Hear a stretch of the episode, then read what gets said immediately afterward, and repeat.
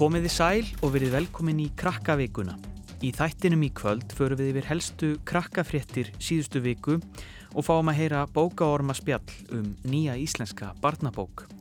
Í kvöld er það bókin Bölvun Múmíunar eftir Ármann Jakobsson og bókaormur þáttarins er hún Móei Kjartansdóttir. Við heyrum betur í þeim hér á eftir en fyrst krakkafréttir. Flestar fréttir undanfarnar daga og vikur tengjast COVID-19 koronaveirunni. Nú á förstu dag tilkynnti heilbreyðis ráþeira Svandís Svavarsdóttir á bladamannafundi að samkomu bann svo kallað yrði sett á í dag. Samkomu bann er tímabundin aðgerð stjórnvalda til þess að koma í veg fyrir frekari koronaveiru smitt. Það þýðir að megi ekki halda mjög stórar samkomur fólks. Bannið sem hefur verið sett á gildir fyrir allar samkomur þar sem fleiri en hundrað koma saman. Ef færri en það koma saman þarf að passa að hafa gott bíl á milli fólks, tvo metra eða meira til að koma í veg fyrir smitt. Fórseti Íslands sagði í síðustu viku að það væri gott að taka þetta allt saman alvarlega en ekki þannig að maður verði hrættur. Ég held að sé svo brínt að við látum óttan ekki ná tökum á okkur. Það er sjálfsagt af áhyggjur og það er skiljanlegt. En um leið er svo brínt að áhyggjur verði ekki að ángist og við getum komið veg fyrir það með því að tala saman, með því að sína hvert öðru stuðning og með því að sína í verki að við sem að gera það sem við getum gert. Íslandingar sem áttu leið um miðborg Reykjavíkur í síðustu viku hafðu mismiklar áhyggjur af stöðunni. Ég er hægt um að fá koronaviruna og er það mjög veik og svo bara, já. Finnst þið krakkar í kringu þig líka að vera hrættir? Já, sumir, vinkonu mínar. Með krakkarna sko, með þetta eins og margt annað sko, það er alls konar upplýsingar sem að koma í gegnum YouTube og TikTok og svona sem eru kannski ekki alveg besta leiðin til þess að fá upplýsingar og svona hluti þannig að það er líka mikið svona vittleysu í gangi. Guðni Fórseti var alveg með það á hreinu hvernig best er að forðast smitt og var með mikilvæg skilabóð til krakka. Allra brínast er, kæru krakkar, við höfum áhyggjur, já, en við erum að gera allt sem í okkar valdi stendur og það er engin ástæði til þess að fyllast ofur kvíða. Við ætlum að gera það sem við getum til þess að vinna bug á þessari veiru og þá er brínast einmitt að við höldum okkar ró og okkar stillingu og vinnum saman. Við erum öll núna í sama liði og sínum það þá bara í verki. Fjölmarkir krakkar sneru aftur í leikskólan í síðustu viku eftir að starfsmenn eblingar hjá Reykjavíkuborg skrifuðu undir kjarasamning og hættu í verkfalli. Krakkarnir voru ánæðir með að koma aftur en þau fundu líka leiðir til að stitta byðina í verkfallinu. Er gaman að vera komin sætt aftur á leikskólan? Já, Hvað hlakkar það mest til að gera? Og bara að leika mér. Og hvað er búin að vera að bralla á meðan þú varst í verkvalli? Ég bara voru að leika mér að horfa.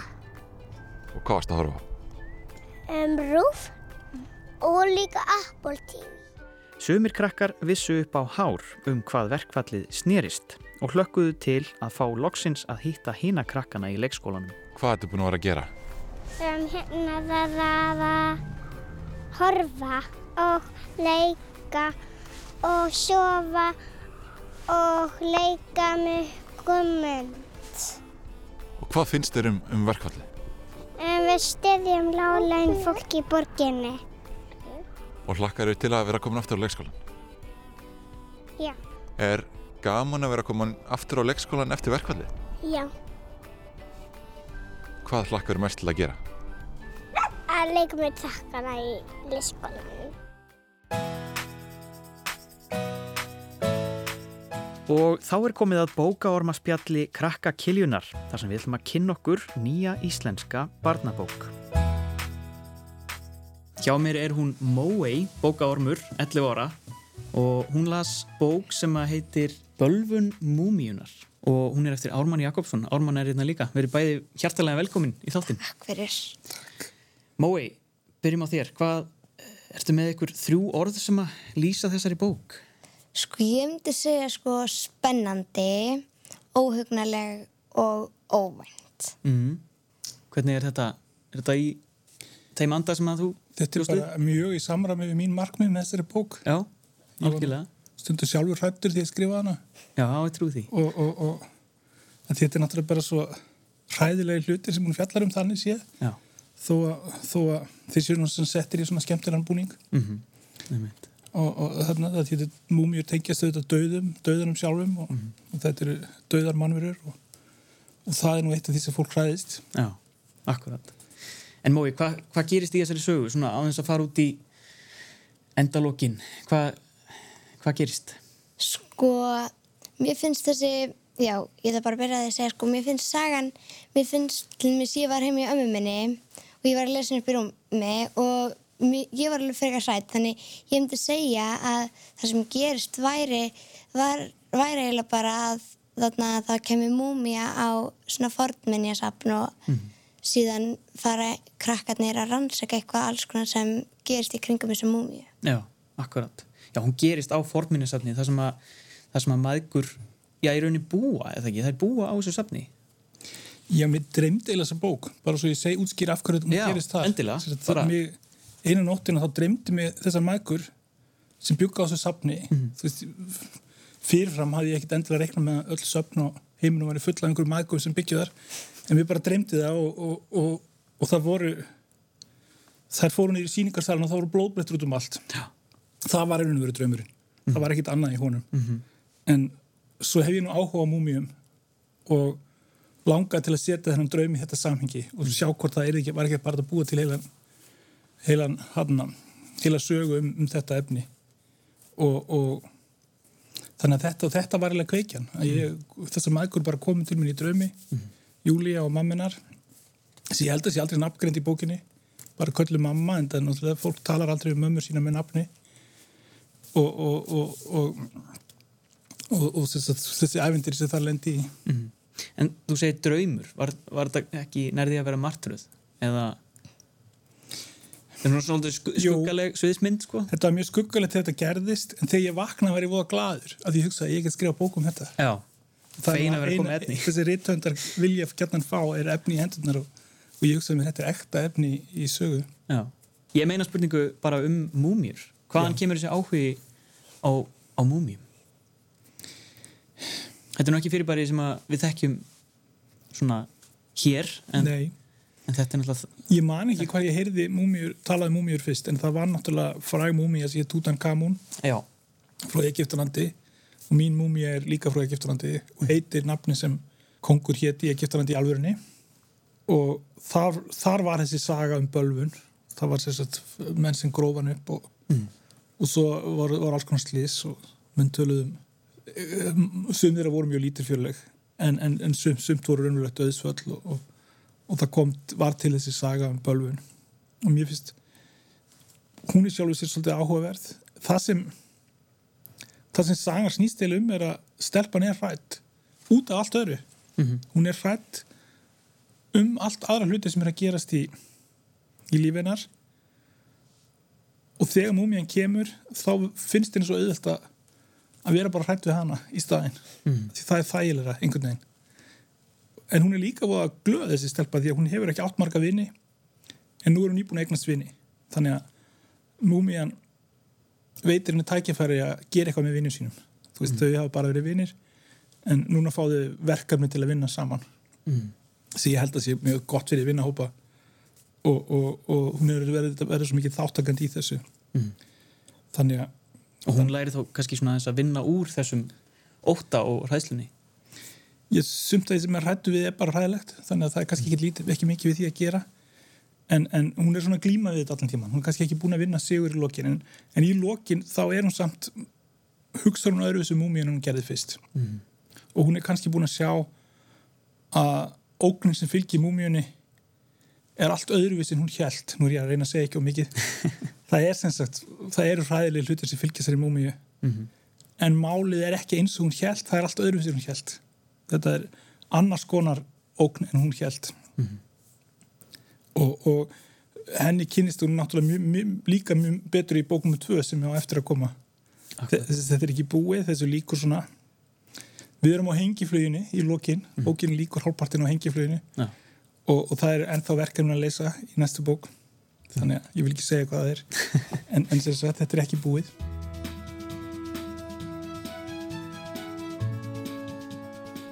Mói, þú ert með eitthvað spurningar eða ekki? Já. Fyrir að Nármann Hvað, hérna, hvað viltu vita?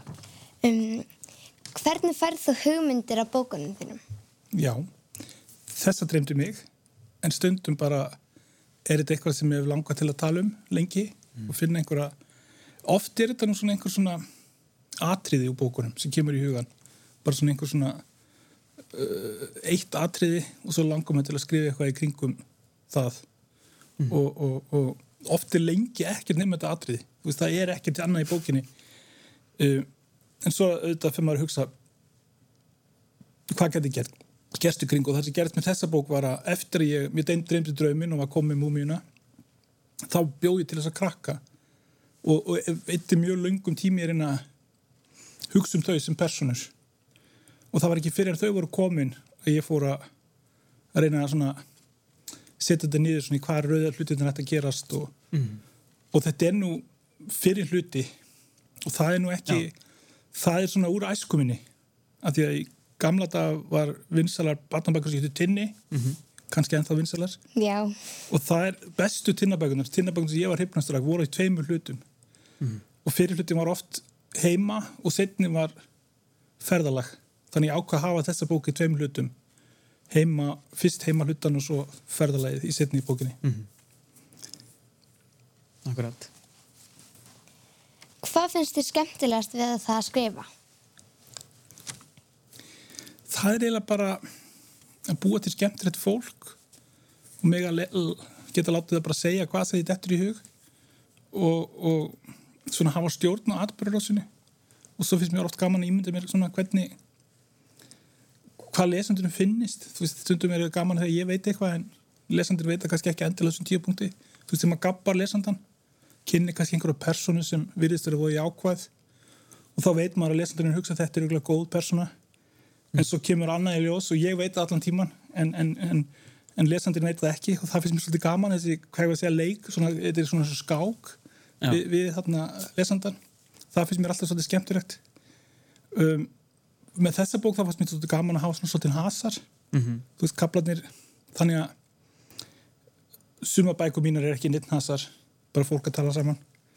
En, en, en í þessari bók fannst mér gaman að ímynda mér að svona, það væri ykkur lesandi myndi ekki geta, geta sofið. Hann myndi verða að lesa næsta kapla því að hann er að vita hvað gerist næst.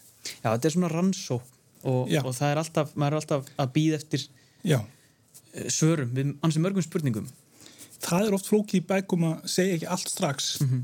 Stundum, stundum þegar maður byrjar að skrifa þá kemur allt og mörgum upplýsingum á framfæri strax og svo verður maður að fara yfir þetta og flytja sumar í setni kapla svo þetta sé svona einhver, einhver ferðalag. Já, og gangi upp. Já, Já. að þetta er eitt af því sem ég er skemmtilegt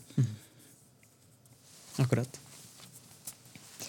Hvað er hægt að skrifa margar bækur á ári? það er hægt að skrifa mjög marga bækur á ári.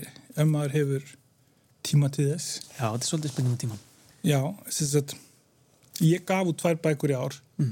Þessa og svo eina fyrir fulluna en það er ekkert skrifar í einu. Þessi er uppalega skrifu fyrir þrem, fjórum árum. Þannig að þannig að ég veit ekki, ég held að sé að skrifa allmargar bækur, er náttúrulega til frægir höfundar eins og Enid Blyton sem skrifaði fimm bækurnar.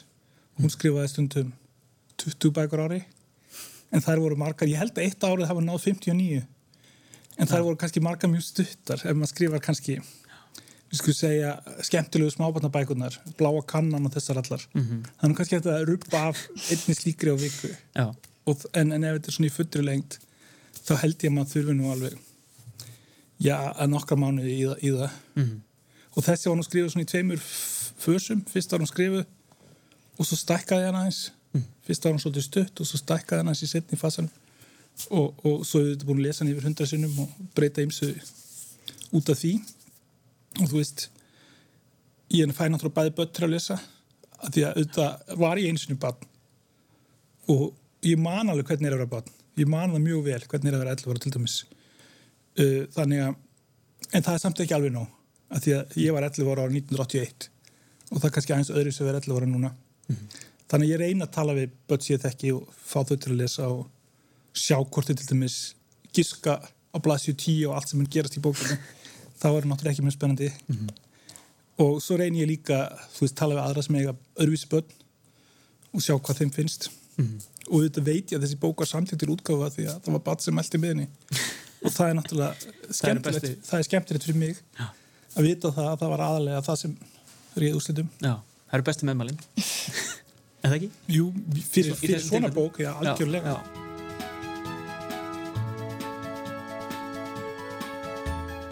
En við erum ennþá í bóka 1 og ég kannski byrði um að lesa öllitið úr Já. bókinni svona áður við klárum Viltu að ég lesi eitthvað ákveði? Nei, og ég lesa bara upp af við eða ég skal lesa kaplan þegar hún fyrir að Það er kap- eftirminnilegu kapli sem að það er kapli sem heitir hérna um, sem heitir Quasja og er svolítið snemma í bókinni. Sem kemur svolítið mikið við sögu í, já. Og, og þar er hún Júlia að hún er búin að vera með mömmu sinni og sapstjóranum og þær hafa séð þess að dula fulla álitrun sem er letruð í ríkið Quasja þetta gerist aldrei aftur að eftir þetta er búið að gerast þá verður ríkið þurka svo vel að enginn getur nokkuð típan að aftur skrifa neitt í það og, og svo sagt, ætla er að býja til örglunni mamman og fórstöðkonun og senda Júlíu upp. En hún fer ekki hún fer, að, hún fer og kíkir á múmíuna. Ég ætla að lesa það þegar ég kom út úr kompunni var mér þungt í sinni. Veslingsvörðurinn sem var alltaf svo vinsamlegur og hlakkaði til eftir hverja einustu vakt að koma heim til konuna sinnar. Núna lá hann í dauða dái og engin leið að vita hver lengi það yrði þá sá ég að dittnarinn í salina voru opnar og hugsaði með mér að það væri sniðugast að loka þeim. En síðan gat ég ekki stilt með um að gæjast þangað inn. Það var dimmt inni. Ég kveikti ljósið varlega því ég hefði aldrei þórað þangað inn í myrkrið og lætti síðan inn í salina. Ég veit ekki af hverju en mér fannst ég verða aðtóa hvort Hóremheb væri enn á sínum stað. Ég veit ekki hvort þið hafi gengið um mannlösa sali í risastóru fornmenninsafni senta kvöldi en ég get sagt ykkur í trúnaði að það er eiginlega frekar ískikilegt Það þarf alltaf skuggalega tónlist eins og í bíómyndunum til að ræða mann á slíkum stundum. Það er ókveikjandi þótt ekki komið til að rafmagnið hafi farið og komið, vörðurinn sé í dulaföllu dái og einhver óþekkt hönd hafi skrifað Kwasha í rikið. Ég skil ekki hvað mér gekk til að halda þarna lengra og lengra inn í safnið í átt að ekifska salnum, hægt og rólega. Var ég einn þarna? Hjarta sló frekar ákaft þegar ég rýndi í allar áttir til að vera vissum að enginn leyndist í neinu horninu. Allt í einu stóð ég fyrir framann glerskápin og horðist í augu við hann. Múmiuna Hóremheb sem einu sinni var allsráðandi í landi sínu fyrir svo mörgum öldum og ég gæti alltaf ímynda mér það í gjör ólíkum heimi. Þannig var hann svartur og dauður með augun lokuð. Af hverju skalf ég svona? Múmiur eru ekkert hættulegar, sagði ég við sjálfa mig. Af hverju ætti hann líka að leggja bölvun á mig, óskup venjulega mannesku sem fyrir tilviljun býr í safninu sem hann er komin í. Og hver eða hvað var Kvasja? Af hverju skalf ég svona? Við horfumst í augu, ég og svo dauði, nema hann getur auðvitað ekki hort, augun lokuð að eilífu. Hann er löngu, löngu, löngu dauður. Það er svo langt síðan ég á erfitt með að skilja það. Það er hrollur í mér, er kannski trekkur í salnum. Ég horfa á múmiuna, hún bifast ekki á móti. En allt í einu heyri ég kvíslað. Ég veit ekki hvort það er múmian eða einhver annar, en kvíslið bergmálar í höfðin á mér.